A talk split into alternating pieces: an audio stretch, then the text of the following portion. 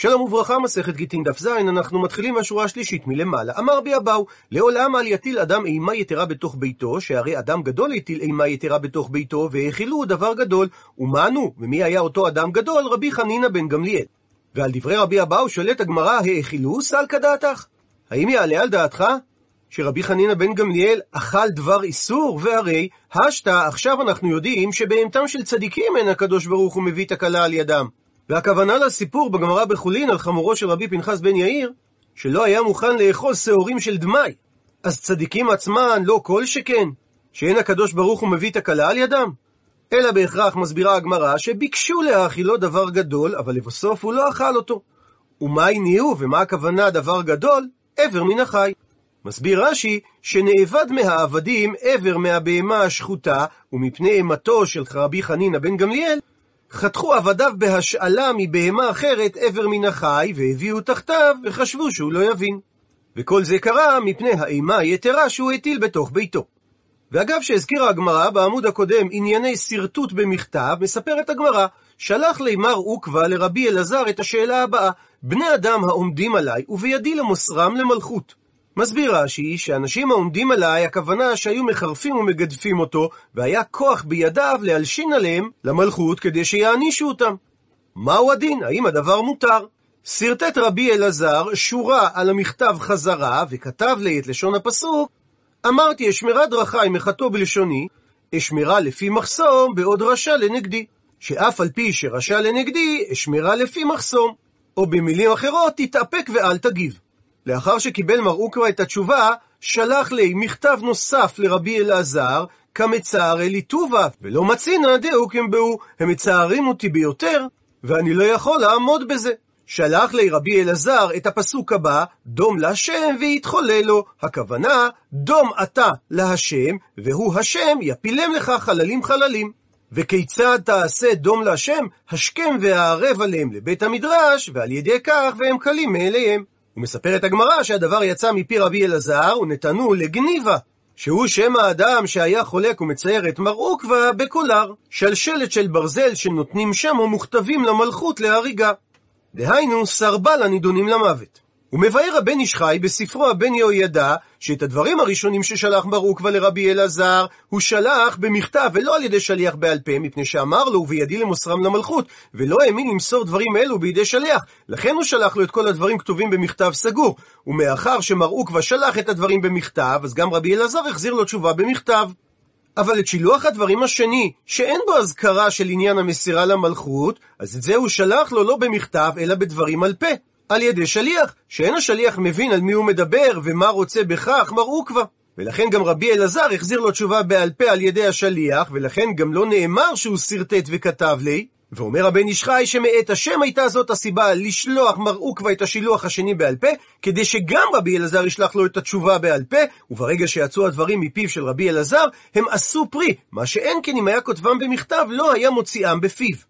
ולזה הדגישה הגמרא שהדבר יצא מפי רבי אלעזר, וזה מה שגרם שנתנו לגניבה בקולר. וממשיכה הגמרא על שאלות נוספות ששרטטו אותם במכתב. שלחו לי למר עוקווה את השאלה הבאה: זמרה מנהלן דאסיר. מה המקור לכך שאסור לשורר בבית המשתאות לאחר חורבן הבית? שרטט וכתב לו מר עוקווה את התשובה הבאה, פסוק בהושע, אל תשמח ישראל, על גיל קמים. ומקשה הגמרא, ולשלח לו מאחה, מדוע הוא לא שלח להם מהפסוק הבא בישעיהו, שבו האיסור מפורש יותר, שנאמר, בשיר לא ישתו יין, יימר שחר לשותיו. ומשמעות המילה ימר, שיהא מר, השוחר לשותה אותו. והאיסור שכתוב בפסוק הזה מפורש יותר מאשר בפסוק בהושע. מתרצת הגמרא, אם מההוא, אם מר עוקבא היה משרטט להם כתשובה את הפסוק בישעיהו, הווה אמינא, אז היה עולה על דעתנו לומר, הני מילי זמרא דמנה. שהשיר האסור הוא דווקא שיר באמצעות כלי, כגון כינור. אבל דפומה שרי, אבל זמרה ווקאלית, בלי כלי נגינה, אלא רק באמצעות הפה, אולי תהיה מותרת. כמה שמלן, לכן השמיע להם מר עוקווה שמדובר על איסור גורף, על ידי הפסוק בהושע. ואגב שהזכירה הגמרא את תשובתו הראשונה של רבי אלעזר למר עוקווה, שאף על פי שרשע לנגדי אשמרה לפי מחסום, מביאה הגמרא שאמר לי, שאל רב הונא בר נתן לרב אשי את השאלה הבאה, מהי דכתיב, מה כוונת הפסוק בספר יהושע, וקינה ודימונה ועדדה? אמר לו רב אשי, מטבתא דארץ ישראל כחשיב. זה שמות של ערים בארץ ישראל, שהכתוב מונה אותם בנחלת שהביא את יהודה. אמר לרב הונא בתגובה, אטו אנא לא ידענא דמטבתא דארץ ישראל כחשיב? האם אני לא יודע שמדובר על ערים בארץ ישראל? אלא רב גביע, ממקום שנקרא ארגיזה, אמר בה, תמה, דרש את הדרשה הבאה, כל שיש לו קנאה על חברו, ודומם, אז שוכן עדי עד עושה לו דין. אמר לי, אז שאל אותו רב אשי, אלא מעתה, הפסוק שמונה את שמות המקומות, וציקלג ומדמנה וסנסנה, הכי נמי, כך גם נדרוש אותם? אמר לרב הונא, אי הווה רב גביע מבי ארגיזה האחה, אם היה כאן רב גביע מהמקום שנקרא בירגיזה, הווה אמר בתמה. הוא היה דורש גם את שלוש המקומות הללו. ומביאה הגמרא דרשה למילים הללו. רב אחא מבי חוזה אמר בהכי, כך הוא דרש. כל מי שיש לו צעקת לגימה על חברו. המילים צעקת לגימה מסתתרות בתוך המילה ציקלג. הוא מסביר רש"י שצעקת לגימה שגוזל ממנו ויורד לחייו, לשערי מזונותיו, ודומם ואינו מגיב, שוכן בסנה עושה לו דין. והסיבה שדרשו רק שמות של שישה מקומות, מפני שהפסוק אומר שהיו שם 29 ערים, אבל מוזכרים 35 שמות, מה שאומר שיש שישה שמות לדרשה. ואגב שהזכרנו את נושא איסור הזמרה לאחר החורבן, אומרת הגמרא שאמר לישאל ריש גלותא, ראש הגולה, המנהיג של עם ישראל בגלות, לרבונה את השאלה הבאה, כלילה, מנהלן דאסור. מה המקור לכך שאסור לעשות עטרות לחתנים, או מזהב או מכסף, שהן צבועות ומצוירות בכופרית ומלח, או שהן עשויות מוורד והדס? אמר לו רבונה שהאיסור הוא מדרבנן, דתנן. שכך שנינו במשנה במסכת סוטה, בפולמוס של אספניאנוס, בזמן המצור שעשה טיטוס פלביוס אספניאנוס על ירושלים, גזרו חכמים על עטרות חתנים ועל הארוס, שזה סוג של תוף מרים. עד דאחי בינתיים קם רב הונא לאפנויה, להתפנות לצרכיו. אמר לרב חיסדא, שהיה תלמידו של רב הונא ולא היה משיב בפניו, וכיוון שקם רב הונא, ענה רב חיסדא לריש גלותא, קרא כתיב. יש איסור על כך בפסוק הבא, פסוק ביחזקאל, כה אמר אדוני אלוהים, הסר המצנפת והרם העטרה, זאת לא זאת, השפלה הגביה והגבוה השפל. עד לכאן לשון הפסוק ודרש רב חיסדא, וכי מה עניין מצנפת אצל עטרה? והרי מצנפת זה מבגדי כהונהו. אלא לומר לך, בזמן שמצנפת נמצאת בראש כהן גדול, אז עטרה נמצאת בראש כל אדם. אבל כאשר נסתלקה מצנפת מראש כהן גדול, נסתלקה עטרה מראש כל אדם. והיות שתלה הפסוק את הדברים זה בזה, אז היות שבאופן זמני אין לנו את המצנפת בראש כהן גדול, לכן יש איסור על עטרות חתנים. עד דאחי בינתיים, עתה בא וחזר רב הונא, אשכחנו דעה ויתווי, והוא מוצא שראש הגולה ורב חיסדא יושבים ולומדים את הפסוק. אמר להם, רב הונא בלשון של שבועה, האלוהים, האיסור הזה הוא מדרבנן. והפסוק ביחזקאל לא מדבר על עטרה שנמצאת בראש כל אדם, אלא בעטרה של מלך. שהיה מתנבא יחזקאל שתיבטל הכהונה, ויגלה צדקיהו בגולה. אלא, ועם זאת, מצאה חן בעיניו הדרשה של רב חיסדא, ולכן הוא אמר, חיסדא שמך וחיסדאין מילך. שהדרשה שלך חסודה ונאה כמו השם שלך שהוא חיסדא. ועוד באותו עניין, מספרת הגמרא שרבינה אשכחי מצא למר בר רב אשי דהווה גדיל כלילה לברטי, שהוא היה קולע עטרה לביתו לחתונתה. אמר לו רבינה, לא סבר למר את האיסור שנלמד מהפסוק, אסר המצנפת והרם העטרה, כפי שדרש רב חיסדא, שרק בזמן שיש מצנפת בראש כהן גדול, מותר לשים עטרה בראש כל אדם. אמר לו מר ברב אשי, שהכוונה בפסוק זה דומיה דכהן גדול, שהאיסור מתייחס רק למי שדומה לכהן גדול, וממילא זה שייך רק בגברי, בגברים, אבל בנשי זה לא שייך. ושואלת הגמרא, מהי הכוונה בפסוק? מספר יחזקאל, זאת לא זאת, עונה על כך דרש רבי אבירה, זימנין לפעמים הוא אמר לי את דרשת הפסוק משמי דרב עמי, וזימנין ולפעמים הוא אמר לי משמי דרב אסי. שבשעה שאמר הקדוש ברוך הוא לישראל, הסר המצנפת והרי מעטרה, אמרו מלאכי השרת לפני הקדוש ברוך הוא, ריבונו של עולם, זאת מה שמגיע להם לישראל שהקדימו לפניך בסיני נעשה לנשמע? אמר להם הקדוש ברוך הוא למלאכים, האם לא זאת מגיע להם לישראל שהשפילו את הגבוה והגבילו את השפל והעמידו צלם בהיכל? מביאה הגמרא דרשה נוספת שדרש רבי אבירה, זימנין לפעמים הוא אמר לה משמי דרב אמני, וזימנין ולפעמים הוא אמר לה משמי דרב אסי. מאי דכתיב, מה משמעות הכתוב בנחום, נקרא בפנים, כה אמר אדוני, אם שלמים וכן רבים וכן נגוזו ועבר, ועיניתיך לא אענך עוד.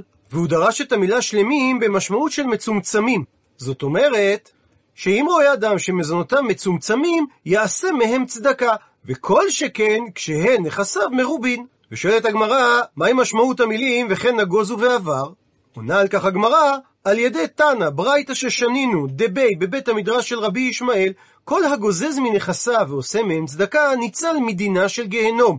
משל לשתי רחלות, כבשים שהיו עוברות במים, אחת גזוזה ואחת אינה גזוזה. הגזוזה עברה במים, ושאינה גזוזה לא עברה. ועל פי זה מסביר רש"י, וכן נגוזו ועבר, שהרי הן משולים לעוברים בנהר על ידי גזיזה, שהגזוזה היא זו שעוברת. כך גזוז מהם לצדקה וירבו.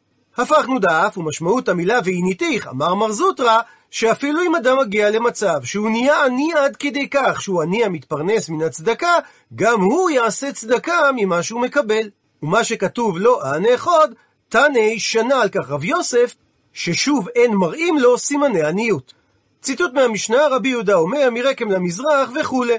ושואלת הגמרא, למימרא, זאת אומרת דעכו לצפונה דארץ ישראל קיימה? שהיא נמצאת בקצה הצפוני של גבול ארץ ישראל? ורמינו קושייה ממקור תנאי שאומרת התוספתא, היה מהלך מעכו לכזיב, מימינו למזרח הדרך טמאה משום ארץ העמים, וממילא הוא פטורה מן המעשר ומן השביעית, עד שיוודע לך שהיא חייבת, ומשמאלו למערב הדרך טהורה משום ארץ העמים, וממילא וחייבת במעשר ובשביעית, עד שיוודע לך שהיא פטורה. הוא מסביר רש"י שבשלב הזה הגמרא מבינה שעכו נמצאת בגבול מזרחה של ארץ ישראל, משוך ממקצוע צפונית מהלך יום או יומיים לצד הדרום, וכזיב נמצאת במקצוע מזרחי צפונית, ודרך מהלכת מעכו לכזיב, שבה היה גבול מזרח לארץ ישראל, ולכן כשמהלך אדם מעכו לכזיב, דהיינו מכיוון דרום לכיוון צפון, הרי ימינו נמצא למזרחית הדרך. ולכן טמאה הארץ שהיא לימין המסילה. משום שגזרו חכמים טומאה על ארץ העמים, כי הגויים שקוברים את מתיהם לא מציינים היכן הקבר. וממילא היא פטורה ממעשרות, וגם מדין שביעית כדין חוצה לארץ. עד שיוודע לך אחרת, כלומר, לעולם חזקת ימין הדרך מעכו ועד גזי וארץ העמים. אלא אם כן תבוא למקום ספציפי שיאמר לך אדם בקיא, כאן הדרך מתעקם ונכנס לתוך ארץ ישראל קצת, באופן כזה ימין הדרך ארץ ישראל היא. ואומרת התוספתא לגבי הגבול הצפוני עד היכן, תנא קמא סובר עד כזיב, רבי ישמעאל ברבי יוסי אומר משום אביו, עד מקום שנקרא לבלבו. עד לכאן לשון התוספתא, ולענייננו קשה, שעכו היא לא המקום הכי צפוני, הרי זה או כזיב או לבלבו. עונה על כך, אמר אביי, שלעולם עכו נמצאת בצפון. אלא שרצועה קצרה, נפקא, יוצאת עוד מעכו לצד צפון, ואותה רצועה היא מארץ ישראל.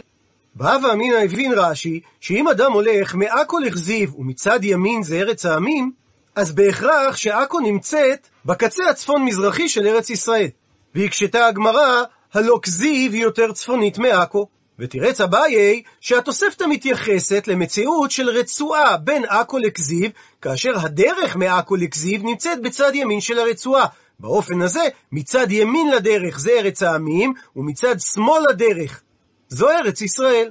והרב רובין בספרו מראה הגבול, מראה על מפה טופוגרפית שמכפר עכו עד גזיב ישנה שורת גבעות היוצרת רצועה טבעית בינה ובין החוף. וזוהי הרצועה שהולכת מעכו לכזיב, כאשר מימין לדרך זה חו"ל, ומשמאל לדרך זה ארץ ישראל. את היישוב לבלבו הוא מזהה צפונית לשלומי מעל ראש הנקרה. ושואלת הגמרא על הסברו של אביי, ויאיב תנא סימנא הכי? האם רצועה צרה חשובה כל כך, שהתנא של התוספתא יטרח להשמיע לנו את הגבולות ברצועה זו? הוא מקשה על תחתוספות, וכי אין לתנא לציין גבולי ארץ ישראל? ולכן הוא מביא את פירוש רבנו שמואל, שקושיית הגמרא היא לא על תירוצו של אביי, אלא על התוספתא שאמרה שלמזרח הדרך ולמערב הדרך, הדין הוא כך וכך, ועל כך שואלת הגמרא, וכי דבר מועט כמו דרך, שרוחבה מן הסתם לא עלה על מספר מטרים בודדים, שייך לומר בו מזרחו או מערבו? אלא הייתה צריכה התוספתא לומר מימינו למזרח, בלי לציין למזרח הדרך. ומתרצת הגמרא אין. אכן נתן נתנה סימן על פי הדרך, שהרי קרא נמי יאיב סימנה, יש פסוק שנותן באופן דומה סימן, דכתיב כאשר רוצים לשדך נשים לבני בנימין שנשארו מהמלחמה, ויאמרו הנה חג אדוני בשילה מימים ימימה. אשר מצפונה לבית אל, מזרחה השמש למסילה העולה מבית אל שכמה, ומנגב ללבונה. ואמר רב פאפא, שהציון מזרחה בפסוק מתייחס למזרחה של מסילה. הוא מסביר רש"י, שהרי זה צריך להיות מצפונה לבית אל, ואם כך בהכרח, שהמילים מזרחה השמש מתייחסות למסילה. ואם נצפין את הציור שמובא ברש"י, נגלה שביחס למציאות אותה אנו מכירים מהשטח, לבונה נמצאת מערבית למסילה, אבל כך או כך שילה נמצאת מדרומה. ועוברת עכשיו הגמרא לדון מה דין גט שנכתב בספינה. ובשלב הזה אומר רש"י שהגמרא מבינה שמדובר על ספינה שנמצאת בנהרות ארץ ישראל. תנא חדא, ברייתא אחת אומרת שהמביא גט בספינה הוא כמביא גט בארץ ישראל, כאילו הביא אותו דרך היבשה, לכן הוא לא צריך לומר בפניי נחתם ובפניי נחתם. ותניא אידך, וברייתא אחרת אומרת, שדינו כמביא בחוצה לארץ, מפני שהנהר אין לו תורת יבשה לכל תורת הארץ, וממילא הוא נחשב כמביא מחוצה לארץ. ולכאורה הברייתות סותרות זו את זו, אמר רבי ירמיה, לא קשיא, הרבי יהודה, הרבנן. דתנן שכך שנינו במשנה במסכת חלה.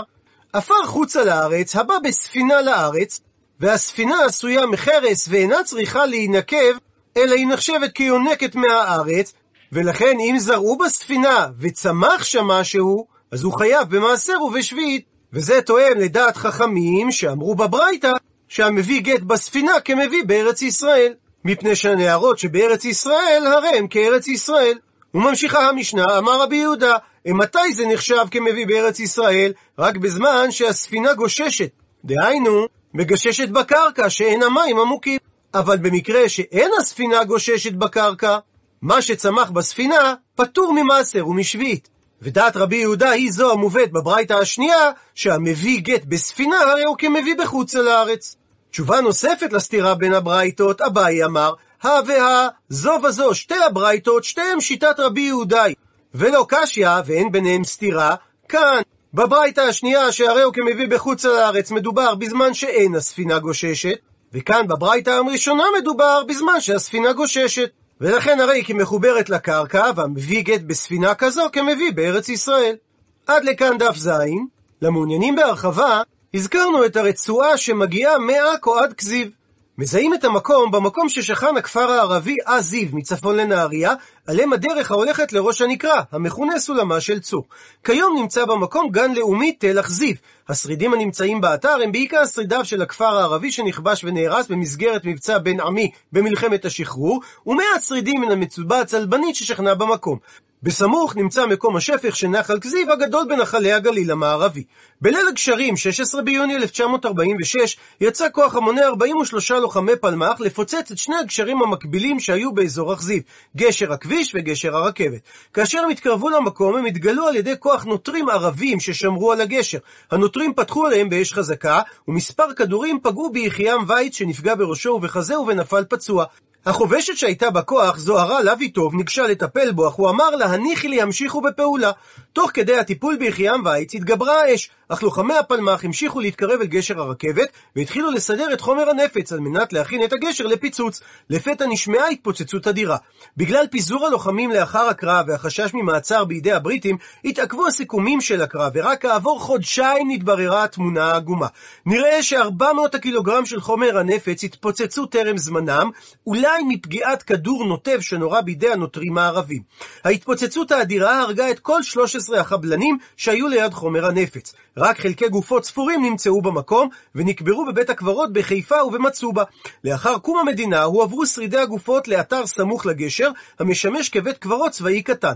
בסך הכל נהרגו בקרב 14 לוחמים, ולכן האנדרטה במקום זכתה לשם יד לי"ד, כך גם הגשר ואכסניית הנוער שבמקום.